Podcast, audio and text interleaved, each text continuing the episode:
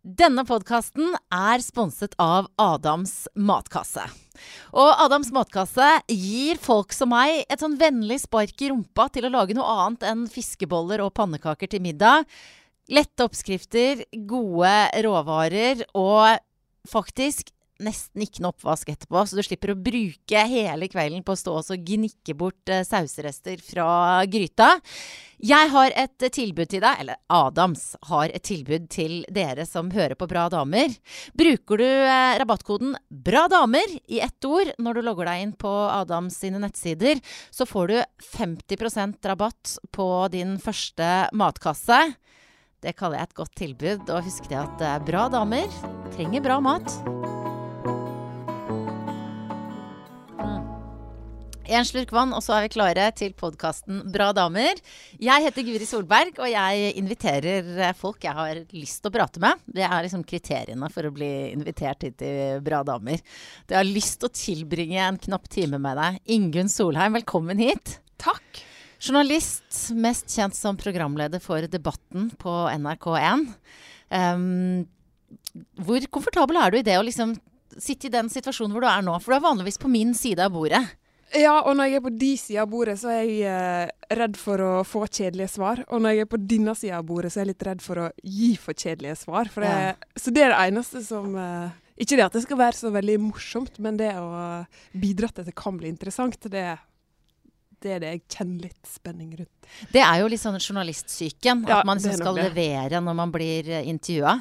Og at vi journalister er litt skadd på den måten at vi er ganske godt trent til å tenke hva som kan være innvendinger mot et svar og en måte å formulere seg på. Ja, den må jeg prøve å legge litt vekk, håper jeg. Men utover det, eh, det å liksom skulle eh, sitte og snakke om deg som person, og kanskje privat, hvordan, eh, hvordan ser du på en sånn situasjon?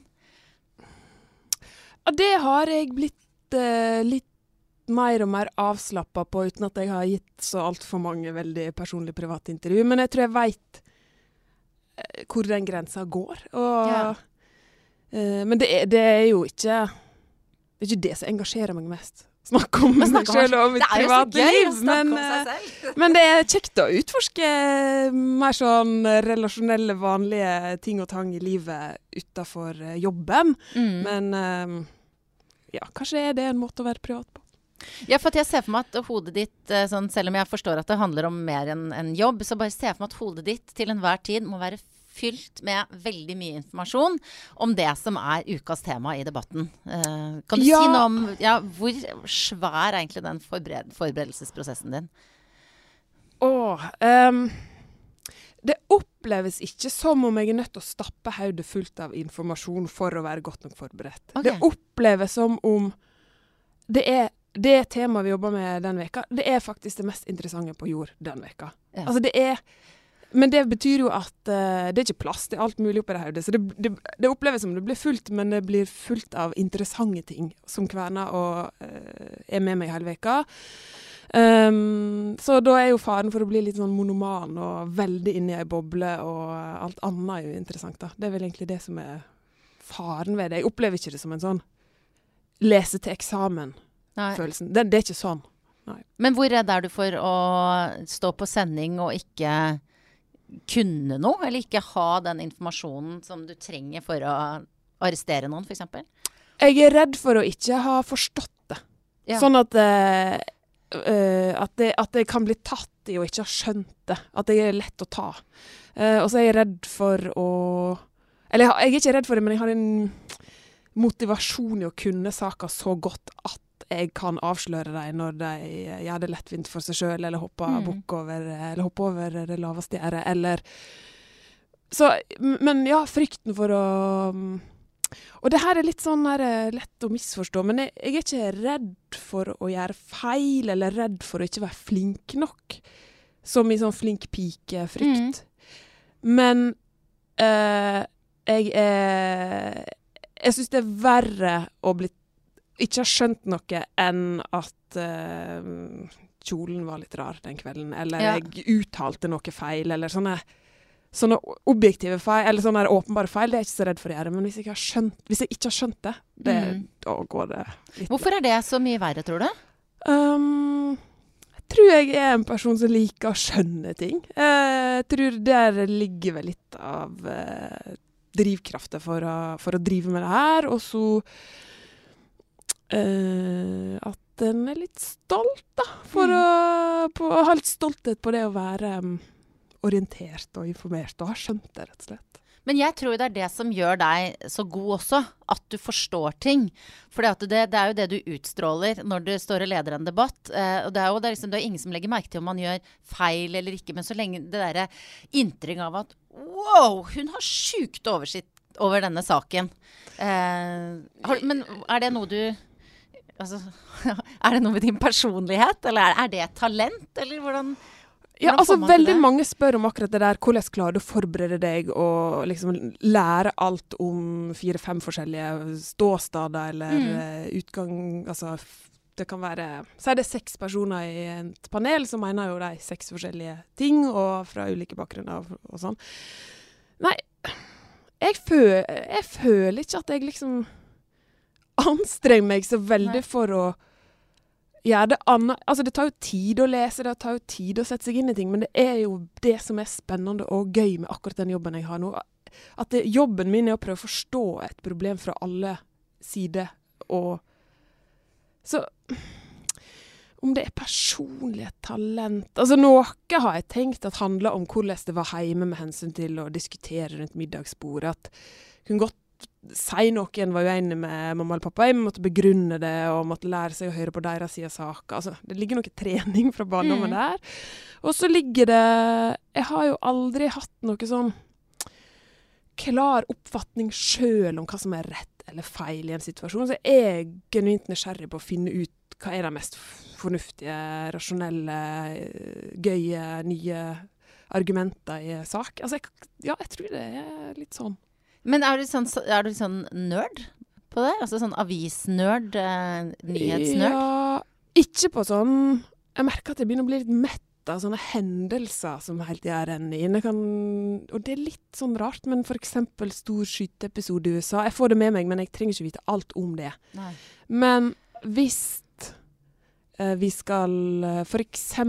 når pensjonsreformen skal vedtas her i landet. Mm eller ta klima nå, da. Klimapolitikk. Når vi skal nå finne ut hvordan vi skal redusere utslippene, så kan jeg følge eh, Ha et genuin interesse av å forstå alle sider i den saka, for jeg syns det er gøy. Mm. Ja, det er sånn. Ja. ja. men det er jo gøy. Men jeg er nysgjerrig på det også fordi at, fordi at, jeg vet jo litt om den jobben du gjør. For at jeg kanskje har gjort lignende ting, men, eh, men den der innsikten i så kompliserte tema, da. For jeg føler av og til at jeg ikke forstår. Ja. Altså ikke det du Altså jeg forstår det hvis du forklarer det, men jeg føler ikke at jeg har nok oversikt over Si Midtøsten-konflikten, ja. da. Eller eh, ja, pensjonsreformen. Sånn. Jeg kunne ikke ha gjenfortalt den på syv minutter. Jeg hadde kommet til kort. Og det tror jeg Men føler du deg dum, da? Er det det du mener? Uh, ja, altså Nei, jeg skal ikke snakke meg selv så langt ned til men jeg syns det er vanskelig. Og så er det jo en sånn ond sirkel at det er vanskeligere jo lenger tid ja. det går, ikke sant. Uh, så liksom, nei, den saken har jeg mista. Ja. Så jeg føler at mye av min kunnskap er litt sånn ingressbasert. Mm. Jeg får med meg det som skjer, men de, liksom, de, de dype, kompliserte nyansene, de går litt over huet på meg, altså. Og der tror jeg du er inne på noe som veldig mange føler, og som jeg har tenkt er litt derfor vi har sånne program og sånne roller som jeg har nå. Da, at det, mm. det, er det som er vår redaksjon sin jobb. Og hele tida tenke at du har ikke fulgt med på pensjonsreformen hele tida.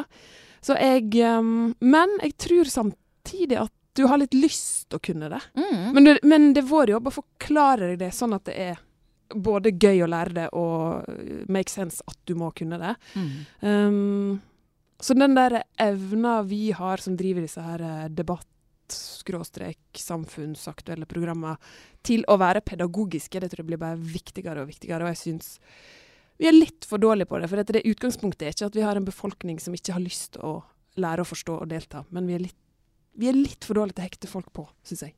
Mm. Er det noe som motiverer deg? Ja. Mm. Absolutt. Um, fordi før så brukte vi å si litt i vårt yrke at uh, vi må snakke sånn at tante Magda på Toten på 80 forstår. Ja.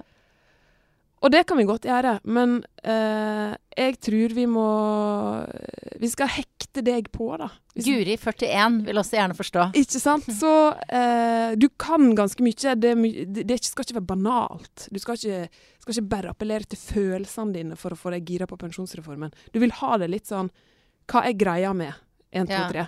Eh, og det tror jeg nordmenn Jeg tror vi ikke har tatt helt den det behovet på alvor eh, helt ordentlig. Da. Så det brenner jeg etter å få, litt, få til enda bedre. Men det, ikke sant, at eh, det skal sies enkelt, samtidig så skal det være korrekt, og så er det mange forskjellige sider. Altså det er mange krav. Du er, har jo en jobb, og det er jo en gave, et privilegium, ikke sant, å få ha en jobb som så mange er opptatt av.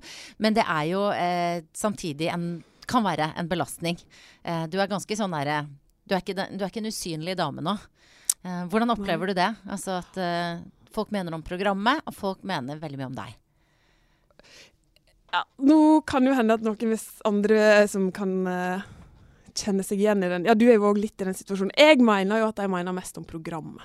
Ja, ikke sant? Jeg tolker ja. det sånn. Mm. Jeg tolker det sånn at de mener ikke så mye om meg som person, for at de vet ikke hvem jeg er. Men at de mener noe om rolla programleder Ingunn Solheim, hvordan den blir utøvd. Det skjer jo. Og mye av det handler jo om jeg er på ene eller andre sida. Særlig i valgkampen blir jo det veldig tydelig. Men det forstår jeg egentlig. For det, vi går jo inn i Altså hvis vi går inn i Ja, ta disse her oktoberbarna, da. Asylbarn som blir 18 år og blir tvangssendt tilbake til Afghanistan. Det er en kjempefølsom sak. Hvis vi går inn i den i debatten, eller jeg som programleder går inn i den, så vil de som ser på enten være veldig sånn tilhengere av at det skal skje, eller mange av dem er veldig motstandere av at det, det skal skje. Når jeg da Da merker jeg da kan alt jeg gjør, tolkes i en eller andre Ja. mening. Et blikk, Hvis Sylvi Listhaug er med et blikk til henne, så kan jeg få en e-post om at 'ja, så godt du var på lag med henne', liksom. Ja. Eller et eh, at jeg lar um, en SV-er snakke lenge. Ja, sant? nå fikk du vist fram at det er SV du støtter. Sånn at Men jeg skjønner det, for de er jo så engasjert. De vil jo, vil jo sannsynligvis helst at jeg skal være på lag med dem. Eller kan ikke forstå at det går an å være uenig. Eller sliter med å skjønne at det går an å være nøytral, sånn. Men det, men det er jo veldig proft av deg hvis du klarer å ha det forholdet til det. Når det da kommer, jeg tenker på liksom når det kommer i din innboks eh, beskyldninger om å eh, hate Listhaug eller elske Ap eller altså, hva nå du enn får beskjed om, så det, klarer du alltid å skrive det på den kontoen? Uh, det, ja, altså det første jeg gjør, er har, um, har vedkommende et poeng. Mm. Det, der kan jeg bruke litt, av og til litt for lang tid på å tenke over om vedkommende har et poeng. Um, hvis, men hvis jeg, hvis jeg skriver det på den kontoen at dette er jo en person som mener noe veldig sterkt i denne saka, og dermed tolker alt jeg gjør uh, som det motsatte, så, ja, så tenker jeg det er, det er helt naturlig. Det er veldig menneskelig. Så Ja. jeg, jeg um, kan ikke huske Altså Det jeg kan ta veldig personlig, er hvis at noen sender en sånn Du har åpenbart ikke skjønt det Ja, litt det vi snakka om i stad. Ja. Du har åpenbart ikke skjønt noe, og også har relevante, gode poeng. Men det Ja, jeg kan, det har ikke lagra seg som en Det har sikkert dukka opp noen sånne e-poster, men jeg hus- husker ikke det akkurat nå. Men eh, det, ja, jeg tar det meste som en sånn Ja, det var et engasjement. Mm. Jeg klarer ikke å ta det personlig. Det er jo fantastisk, da. Eller det er kanskje en nødvendighet hvis du skal ha den jobben du har? Altså, det av og til jeg blir litt for Nei, jeg skal ikke si at jeg er forbausa over de som tar sånn tilbakemelding veldig personlig, men eh, Fordi at det er jo Det kan jo komme skikkelig kjipe ting. Sånn Mm. o- Språket er kjipt, og beskyldningene er kjipe, og aldri, den personen ville sannsynligvis aldri sagt det til deg ansikt til ansikt. Så det kan jo komme litt sånn røff språkbruk. Men tenk at vi som har valgt disse rollene her, særlig vi som er på samfunnsdebatten og valgkampens eh, Mm. litt harde eh, arena vi, m- vi, må jo, vi må jo tåle det. Det er en del av jobben. Det er rolla. Og det er ikke Ingunn. For at de kjenner ikke meg. Ja, Så det preller av? ja eller det eh, Om det preller Nei, Det går iallfall ikke inn på meg personlig. Nei. Jeg tenker sånn eh, Den rollen du har, er jo Det er veldig, helt avgjørende å ha troverdighet. At eh, folk tar deg alvorlig. Og ikke sant, som du sier, stole på at du har skjønt hva du snakker om og sånn. Eh, hvor vanskelig eh, føler du at det var å få den respekten da du var Altså du var ikke fersk da du begynte på Debatten, eh, for da hadde du mange år som journalist. Men liksom, da du begynte å bli synlig, eh, følte du at du ble tatt seriøst med en gang? Um, ja, altså jeg skulle jo da over det var Akkurat det programmet var det to menn som hadde hatt før meg. Um, jeg tror det er litt sånn, uten at jeg gjør det til noe stort problem, at vi damer må overbevise hakket mer om at vi har kontroll.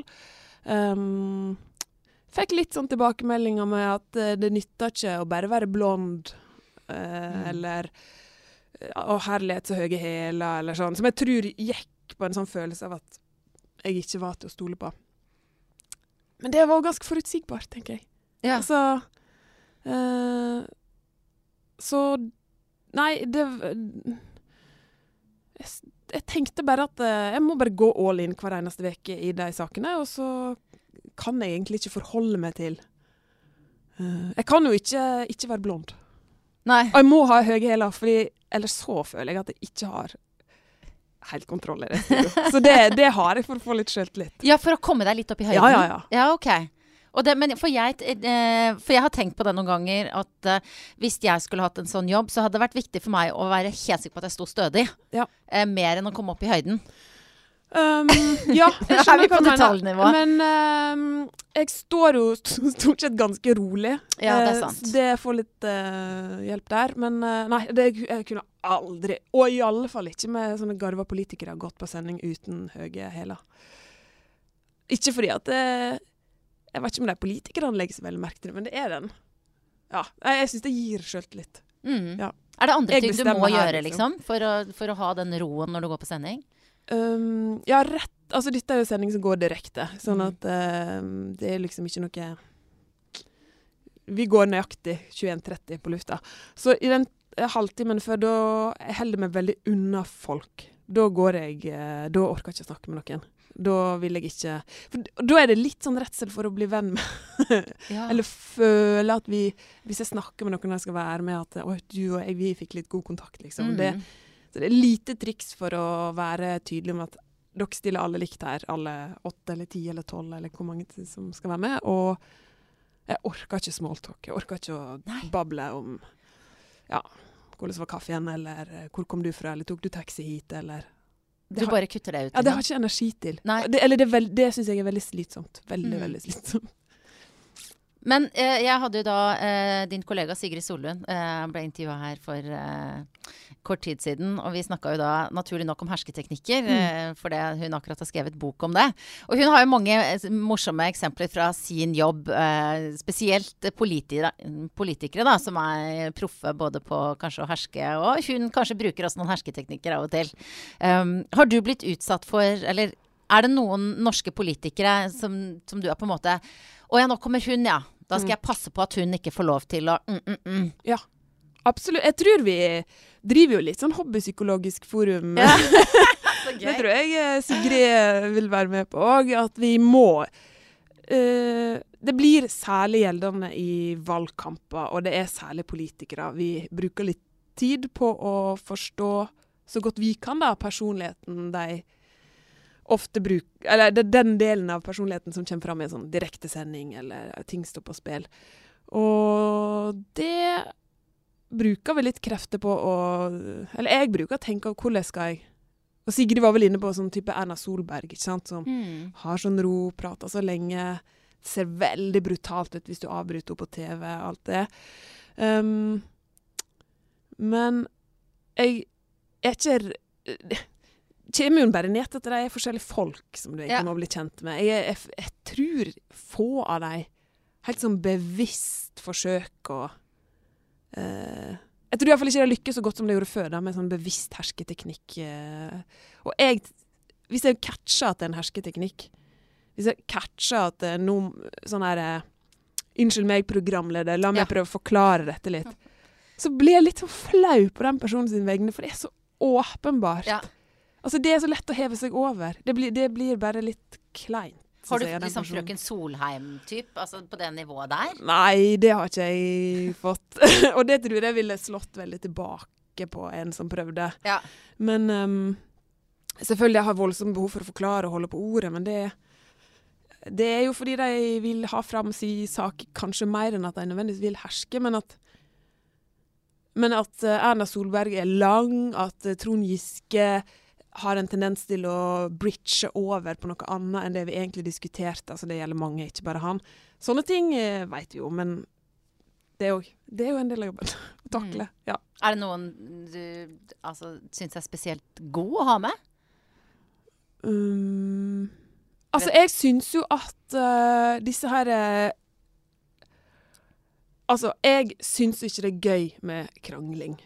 Og, et, og, det var faktisk i valgkampen i år, så, så var det ei venninne som sa Dyngun, dette høres teit ut, men kanskje dere burde begynne lage en sånn sak på nrk.no om slik snakker du med barna om partilederdebatter. Ja. For det er egentlig Det er så ko-ko at voksne står og krangler. Ja. Um, og én ting er at det er irriterende, men det er jo veldig lite å få ut av det. Så uh, de jeg liker best nå, det er jo um, disse her eh, Ja, det er jo for så vidt ikke så unge lenger, nesten på alder med meg sjøl, men du har eh, Uten å nevne navn, det kan være litt sånn skummelt, men jeg syns jeg kan kanskje klare å ta fra såpass mange forskjellige partier at det gir mening, men jeg syns eh, Tina Bru og Henrik Asheim med Høyre har funnet en form. Hadia Tajik er i ferd med å finne en form. Torbjørn Risaksen har lenge hatt en form. Snorre Valen, som dessverre er ute av politikken på Stortinget, eh, har også en form som jeg syns gir gode debatter. Ja. Og jeg syns de er litt sånn hakket mer moderne. Ref det jeg tror er ditt ønske, nemlig prøve å forstå. Du vil forstå hvorfor den ene politikeren mener sånn, og den andre noe annet. Det syns jeg er bedre på å berede grunnen for enn den klassiske som bare skal Du skal bare provosere gjennom argumentasjon for å få en krangel. Så, Kanskje de blir sånn etter hvert, da? Ja, Kanskje det er det, det er det at de blir ødelagt av politikken? Jeg håper vi skal klare å være en ja, jeg, altså Det er jo frykten, men jeg håper egentlig at tida for sånn tullekrangling, fordi krangling er liksom underholdende, er forbi. Vi, det lærer vi jo ingenting av. Så jeg liker de som Jeg liker egentlig de som um, diskuterer litt sånn som du gjør hjemme på et uh, vennemiddagsselskap.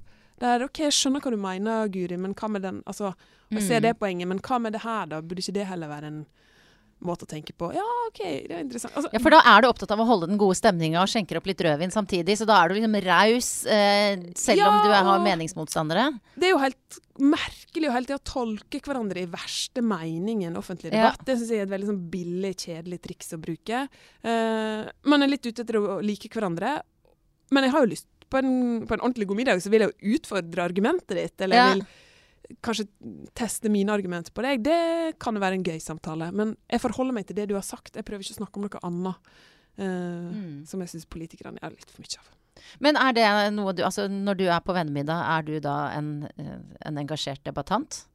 Drar du på da, liksom? Jeg må ta en kaffe.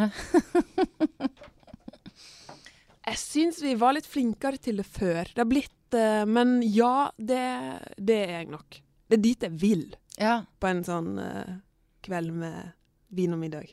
Men hva du sier? Altså, sier du at du var mer engasjert før? Nei, men jeg føler at uh, altså Nå er jeg 37, da. Jeg føler at vi var Den vennegjengen for ti år siden var jo kanskje Det var jo det er helt naturlige ting da. Det var mindre kjas og mas og forpliktelser. Og vi er inne i liksom perioder av livet der foreldre blir syke. Det er litt sånn alvor som kanskje hviler litt over vennemiddager og sånn nå. Men um, uh, Så det var liksom lettere å bare diskutere. Det, livet var mer uforpliktende og mindre kanskje alvorlig for ti år siden. Mm. Um, og det er helt greit, altså. Det er helt greit. Det er interessant å utforske livets alvorlige kriker og kroker òg, men, uh, men en god en god, eh, en god, middag, en gøy middag for meg er en middag med en ordentlig diskusjon. Man er jo kanskje litt mer, mer skråsikker før òg, da. Ja, det er et uh, godt poeng. Ja, at Jo mer kunnskapsrik man blir, jo, jo, mer nyanser ser man. Og da liksom sånn Jo, jeg kan jo for så vidt se poenget ditt. Ja, OK. Ja, ja, og så blir man ferdig, liksom. Ja, det er, kanskje, ja, men det er godt, uh, godt poeng. Ja, det tror jeg er litt sånn. Men hva, hvis du virkelig skal diskutere, hva er det som engasjerer deg? Uh, jeg er djupt bekymra for hvordan vi skal klare å finansiere uh, denne her uh, staten Norge uh, framover. Og, og, drive den sånn som vi kjenner den i dag. Mm. Jeg, men um, det, det, det, har blitt helt sånn her Jeg har fått nesten litt sånn henge på. Um, det er jo ikke akkurat det som skaper den mest livlige middagsdiskusjonen. Hva skal vi leve av etter oljen, ja, liksom? Ja, men det er sånn, det er helt sånn genuint nysgjerrig på noen har kule svar på det spørsmålet. Uh, og tror at vi nå står overfor Altså Jeg tror vi kan løse det, men jeg tror vi står overfor ganske heftige prioriteringer og diskusjoner uh, framover. Som um, Og det er et alvor nå. Det er noe med urolig verden, klima, folk på flukt, uh, velferdsstatens bærekraft. Den tematikken, den eh, Jeg tror vi alle kommer til å snakke om det om 10-15 år, på en helt annen måte. Det er litt rart at du snakker om den, og så hø hører du liksom Armageddon-lyder i bakgrunnen her. Jeg vet ikke helt hva det er. hvis Det er noe gravearbeid utenfor. Okay. Men er du sånn, når du sier bekymra, er, det, altså, er dette noe du kan gruble på altså når du har lagt deg om kvelden? Sånn, hva, hvordan skal det gå? Mm, nei, mer når jeg går uh, tur uh, i fjellet eller er på jeg er ute i naturen, så kan de tankene komme mer. Jeg ligger ikke oppe på natta søvnløs. Nei, det gjør ikke jeg. Ja, for at du er jo da fra Norges styggeste by, Førde. Mm. Men som en stygg by, men vakker natur. Og eh, sånn de få gangene jeg har sett deg legge ut ting på sosiale medier og sånn, så er det stort sett fjell. Ja. ja. Hva, hvordan, hva er forholdet ditt til naturen? Oi. Det um, uh, Altså, jeg er jo da født, og oppvokst i den. Ja. Um, og det er jo det er, så, det er, litt sånn kleint, det spørsmålet her. For jeg føler at det har blitt sånn at alle er så glad i naturen. Så jeg er litt sånn redd for at uh, det, det, er ikke noe jeg trenger å flotte meg med eller uh, snikskryte av. Men uh, jeg er jo vokst opp med en far som var leder i Norges Naturvernforbund, og teltferier om sommeren og bålturer og det der. Så den, det er jo bare Ja, det er litt som der jeg hører hjemme. Hva, hva slags, Bortsett fra at du går rundt og grubler på hvordan det skal gå med oss, ja. hva, hva, er du, hva er det du bruker fjellturer til? Komme på toppen, øh, løse svetten, øh, få luft rundt hodet. Utsikt og mm. fri. Um, og jeg syns jo det, jeg synes det er kjekkere å gå til en topp og ha et mål uh, enn uh, å trave innover skogen i marka i Oslo. Du må liksom ha et sånt konkret mål? Ja. Det Er du litt sånn ordensmenneske, holdt jeg på å si? Altså du må ha litt sånn ordnede rammer? Eh, det har faktisk blitt litt verre med åra, ja. Um, altså, jeg kan gå og surre rundt uh, på en Jeg trenger ikke å vite hvor langt er det til toppen, eller ha veldig kontroll på akkurat sånne ting. Men uh, når du spør om orden, så har det begynner det å ut uh, Eller det viser seg gjennom sånn manisk sortering av krydderhyller, fargekoordinering av klesskap. Et par sånne håndklær, de svarte og hvite, de kan eller grå og hvite i ei hylle. De farger i ei anna hylle. Det blir mer og mer sånt. Det er jo, ofte, Hvis jeg skal være litt sånn hobbypsykolog, da, så er det jo gjerne litt sånn at man, man skal, må strukturere sitt ytre, eller liksom den ytre verden, så kan det jo vitne om liksom kaos inni. Ja, jeg tror det er noe der. Ja. Ref disse her Armageddon-tankene. Ja, Hva er det kaos inni deg, Ingunn? Nei, jeg tror ikke det um, Eh, jeg går ikke og kjenner på noe sånn personlig uro og angst. Eh, jeg tror at den der uroen for verden, den, den gjør ikke meg handlingslamma i hverdagen. Rydding av krydderhyller er av og til en sånn eh, sånn deilig ting å få gjort. Mm. Det er litt sånn konkret. Da begynner vi på cayennepepperet, og så legger vi alfabetisk utover. Det er nesten en meditasjon. De har testa litt sånn yoga, sånn som jeg vet at du er veldig glad i. Men ja. det, der strakk ikke tålmodigheten helt til. Krydderhylla går litt raskere. Ja, men altså, jeg kjenner meg helt igjen i det. Og det morsomme ja. er jo at jeg akkurat har sortert krydderhylla, jeg òg. Men jeg, og så hører jeg Nei, nei, det er der. Og der skilles våre veier, vet du. Jeg bare ryd, vasker unna sånn at det er rent og ryddig og sånn, og organisert, men ikke alfabetisk. Men eh, så der har du min Du er altså, min overkvinne. Jeg var veldig heldig for at vi pussa opp uh, kjøkkenet, og så fikk, sånn, fikk vi en skuff så man kan legge sånn, sånn krydder Krydder. eh, Hva heter det? Uh, glasa. Ja. Ligger på ryggen, så det kan Ja, lett det alfabetisk. Ja. Drar ut. Ja. Men du, du sier pussa opp leilighet, og dette er jo den delen av deg som vi ikke vet sånn kjempemye om. sant? Hvis man googler deg, så står det sånn 'Ingunn Solheim solgte eh, leiligheten'. Ja. Jeg vet, eh, det sies ikke hvorfor Ingunn solgte den. Og, jo, og hun var på premiere med eh, TV-produsentkjæresten. Så man vet liksom så vidt eh, at du har kjæreste som er TV-produsent, og at dere nå har flytta sammen. Ja. Eller, I et hus med krydderhylle. Ja. I et hus med alfabetisk rydda krydderhylle. Ja. Um, hvordan, eh, hvordan traff du han? Eh, det var litt gøy, egentlig, fordi at uh, vi skulle lage debatten. Og altså Det fantes en debatten, den skulle pusses litt opp. Ja. Jeg og en kollega fikk oppdrag om å gjøre det. Uh, fikk uh, tips om å ta en prat med han Lars, som er denne TV-produsenten. Lars Hognestad, for de som vil google han og se hvordan han ser ut. Eller kanskje vet hvem det er. Ja. Ikke sant. Han um, var da i den tida og jobba litt i NRK, selv om ikke er ansatt i NRK. Møtte han i Messa, som du kjenner til, store kantina, for en prat om hva er den beste måten å lage et debattprogram på TV på.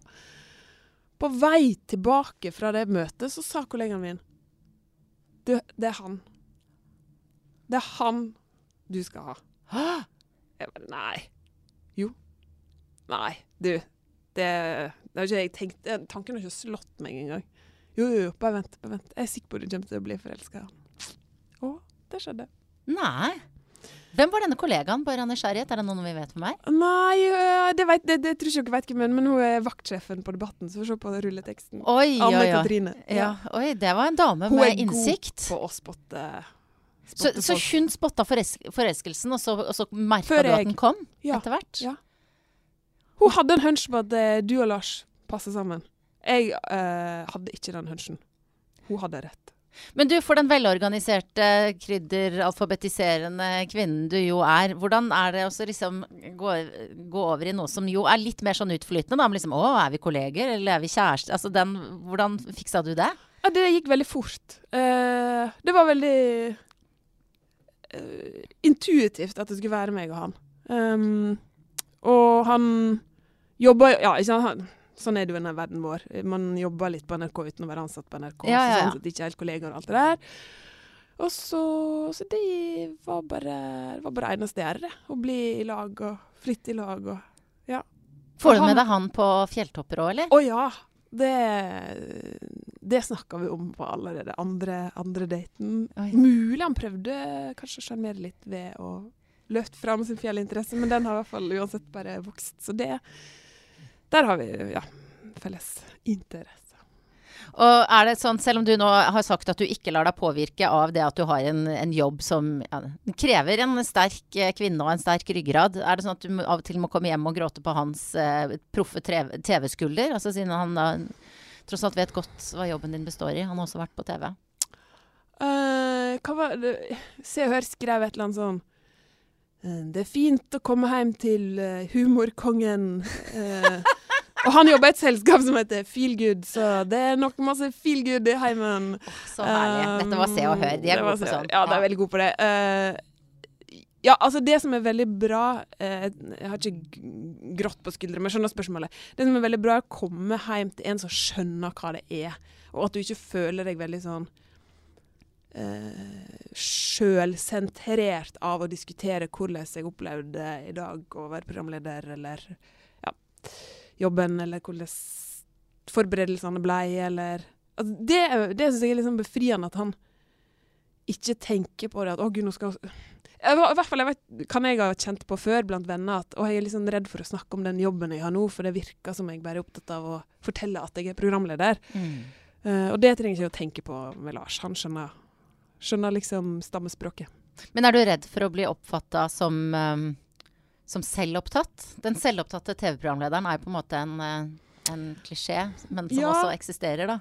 Men sant, der er jeg litt sånn i konflikt med meg sjøl. For jeg tenker at på ene sida så blir ikke programleder på TV uten å På et eller annet vis Du har lyst til å bli litt sett, og du har lyst til å ta den rolla og være den som sørger for at det blir god stemning hjemme på Ja. lørdagskveld, eller at folk skjønner hva pensjonsforliket går ut på. Um, vi er jo litt sjølopptatt, og det lever jeg for så vidt greit med at vi er. Men jeg er Det jeg er redd for, er at uh, at vi blir Jeg har vært redd for å på en måte Hva skal jeg si Ikke stoppe i tide med å liksom utforske Altså, vi, vi driver med en bransje som alle for så vidt kan være nysgjerrig på. Så det er jo ikke vanskelig å få folk til å spørre oss om ting og holde mm. samtalen i gang om det vi driver med. Da har jeg tenkt at gurmala, det er utrolig viktig den rolla å pauseknappen på spørre snu ja. eh, samtalen. Eh, for dette, oppi hodet vårt så går vi jo og kverner på ting og tang som gjerne vil ut, men som strengt tatt i, ja, er, er sannsynligvis, er sannsynligvis problemstillinger som alle har i sine egne jobber, men vi har litt lett for å havne i den eh, trua at eh, det er helt spesielt å være programleder. Jeg, tror i fall, jeg har iallfall mm. kjent på at det er jeg redd for. At jeg skal tro det er noe veldig mye mer spesielt å være programleder enn ganske mange andre jobber. Mm. Uh, også, men samtidig så er det jo noe med at hallo, vi har de jobbene. Vi må være stolte av det. Vi er jo engasjert i jobbene våre, så vi må ikke være sånn falsk beskjedne heller. Balansegang der også. Du, du fortalte jo at du har vokst opp i naturen og uh, teltturer og bål og fjell helt fra du var liten. Men bortsett fra at du var mye i fjellet, hvordan var du når, Si da du var 15 år, da. En deilig alder for øvrig. hvordan var du da? Da tror jeg jeg var på mitt aller, aller mest usikre og identitetsforvirra Altså helt sånn klassisk eh, Alle andre var kulere enn meg. Samtidig jeg var litt heldig, for det var en sånn jentegjeng på fem som var en blanding av de verste partyjentene og de flinkeste på skolen. Så var liksom beskytta den, men helt elendig idrett helt Oi, elendig. Og du var en idrettsjente? Nei, altså jeg kan legge ut på sprang, liksom. Men når jeg kan komme meg på, på toppen av et fjell Ikke volleyball, ikke fotball.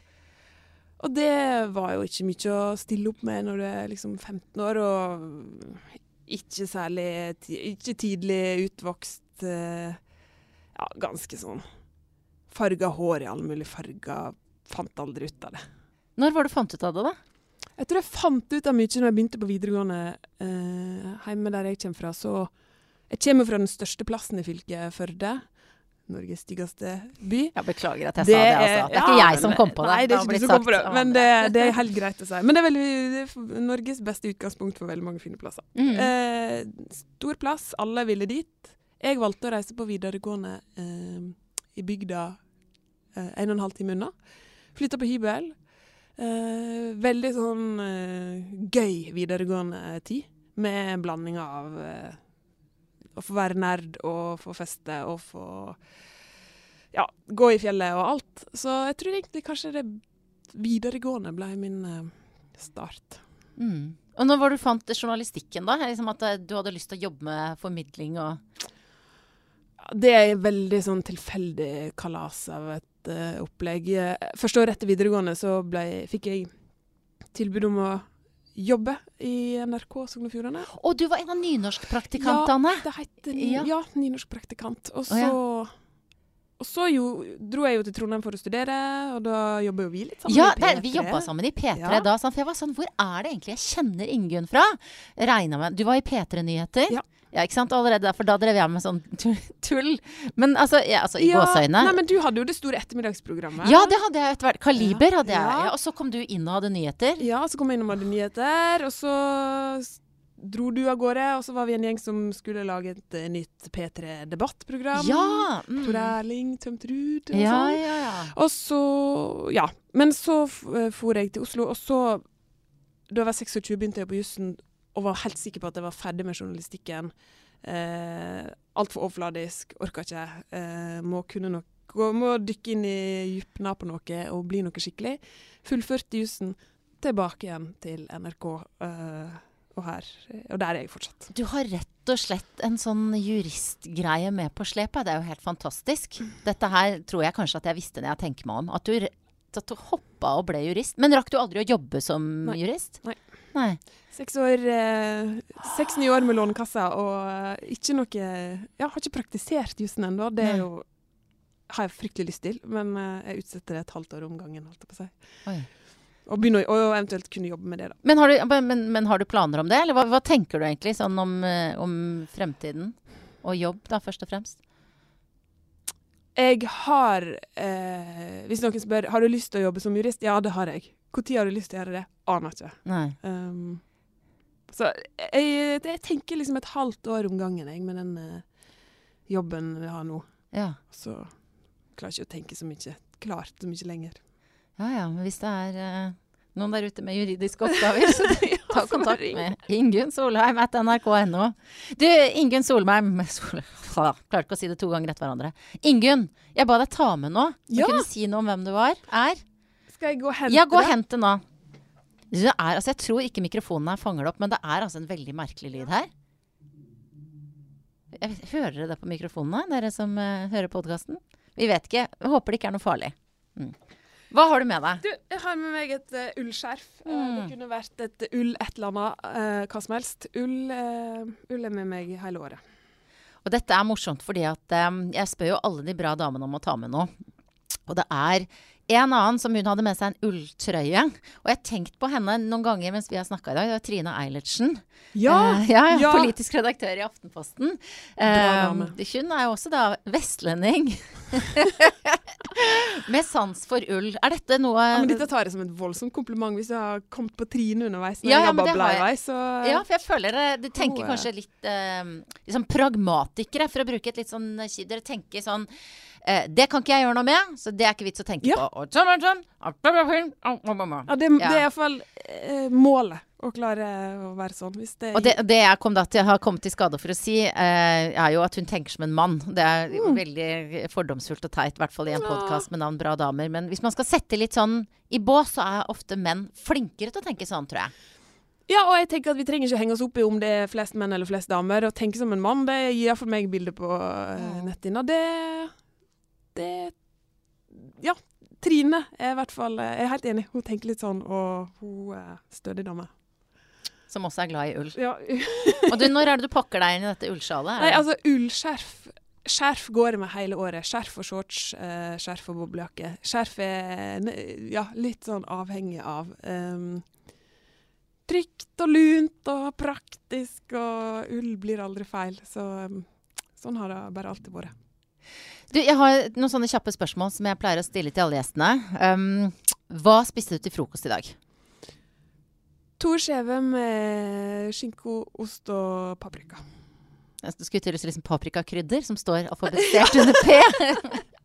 er du et rutinemenneske på frokostfronten? Nei, ikke glad i frokost. Å nei. Nei. Har egentlig um, hører liksom bare mamma i bakhodet når jeg av og til springer ut døra uten å spise frokost. Ingunn, du må Bare noe lite. Få i deg noe lite. Ja, sånn roper jeg til datteren min nå. Ja. Det er ikke helt uh, Kaffe kan jeg drikke, men jeg er ikke så glad i frokost. Hvor lang tid brukte du på å finne ut hva du skulle ha på deg i dag? I dag I dag brukte jeg kanskje sånn fem Altså, det kan jeg bruke litt Det syns jeg er litt gøy å bruke Ja. litt tid på. Uh, ikke at det Men det går etter en sånn hvilket humør er jeg i dag. uh, ja, kanskje fem minutter. Jeg vil si at du i dag har en avslappet utgave av sånn vi er vant til å se deg på skjermen. Ja, En slags sånn casual debatten med skjorte og genser og cornflakes-skjørt. Eh, er altså, den versjonen vi ser på TV Du har Mm. så fine klær Nei, på TV. Ja, Det, det må jeg si til uh, kostymet. ja, det må du minne meg om. Sånn, altså, det er sånn um, ja, Damages, har du sett den serien? Med Glenn Ja. Close. Ja, Ja. du, ser, ut som en sånn kul advokatdame, da. Kult. Ja. Men hvor, eh, hvor, hvor viktig er det for deg? Du har jo nevnt de høye hælene, Mm. men altså Jo, Hvor viktig. avgjørende er antrekket? Jeg syns det er viktig. Mm. Og det var en ting jeg brukte litt tid på når jeg begynte med denne jobben her. Å tørre å si at klær er faktisk viktig. Eh, For det, det, du føler jo at du Hallo. eh, Det er liksom egentlig litt sånn jålete ting å være Ja, opptatt av i den debattlederrolla. Men det syns jeg er viktig. Det er jo en blanding av at det, å føle seg vel selvfølgelig, men òg føle at det ser litt kult og mektig og bra ut. Og, og uten at I min jobb mener jeg det er også viktig at, den, at det ikke Det skal sånn, gå litt ubemerka hen, det antrekket. Ja. Eh, du, så der eh, Det kan jeg jo bruke litt, bruke litt tid på å diskutere. Men vi har jo flinke folk i NRK som plukker ut og alt det. Mm. Men ja, selvfølgelig er det viktig. Det er helt uh, tullete å si noe annet. Når hadde du sex sist? Å, er det sånt man skal svare på? Da setter jeg debattlederblikket i deg. Ja. Det er et spørsmål som i hvert fall stilles til alle. Så mye kan jeg si. Ja. Og nå ble jeg litt usikker på om uh, denne debattlederrolla um, tillater å utlevere sånne ting. Man blir litt redd for å bli litt for uh, mm. uh, privat. Men ikke lenge siden og Ja, ikke lenge siden. Det er, det er noe med det liksom, da, Du sa noe med innledningsvis at uh, du var ikke noe ukomfortabel med å snakke om deg sjøl, men du visste hvor grensa gikk. Ja. Da, da, gikk den der. Ja, det føltes sånn. Ja. Men jeg Ja. Jeg kunne jo sagt Vi, vi kunne ha snakka om det, men nei, nei, det trenger ikke alle å vite. Nei, jeg, forstår, sånn. jeg forstår veldig godt. Uh, får, av og til så får jeg spørsmålet i retur, og jeg har liksom, liksom samme Jeg er jo ikke noen debattleder, så jeg har liksom ikke så mye Det er ikke så farlig om jeg bjudar på, nei. men uh, jeg tenker mer på, på mannen min. han blir så flau ja, over at jeg utleverer han. For det er som regel han jeg har sex med, da. Da fikk jeg avslørt det, i hvert fall. Du, uh, hva syns du kjennetegner en bra dame, Ingunn? Uh, ei bra dame Altså, ei dame jeg syns det er lett å forholde seg til, da, for å si mhm. det litt sånn, uh, er ei, ei, som står sånn støtt i seg sjøl. Uh, eh, og som jeg ikke er redd for at skal ta ting altfor personlig.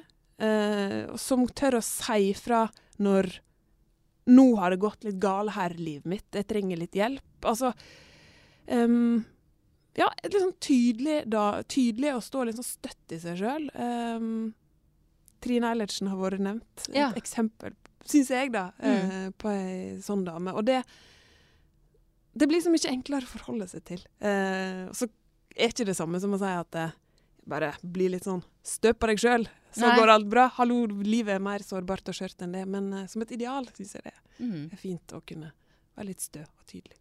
Mm. Du er ganske tydelig. Syns du det? Ja, er du ikke det? Uh, ja, altså kanskje. Det er vanskelig å vurdere, men det er et mål om å være litt tydelig. I den For jeg lurer på Jeg tror, håper og tror at da er det lettere å forholde seg til. Men det er klart, hvis jeg er så tydelig at ingen tør å si imot, så er det jo skumlere. Det var, ikke, det var ikke en fordekt måte å si at du egentlig var frekk på. Det kan jo være. Ja, du er jo veldig tydelig. Ingunn Solheim, tusen takk for at du kom til podkasten min. Takk for at jeg fikk uh, komme hit, Guri. Denne podkasten lager jeg i samarbeid med magasinet Kamille. Og hvis du tar med deg et blad fra butikken, så finner du også min helt egen spalte, der jeg skriver om alle de bra damene. Monster.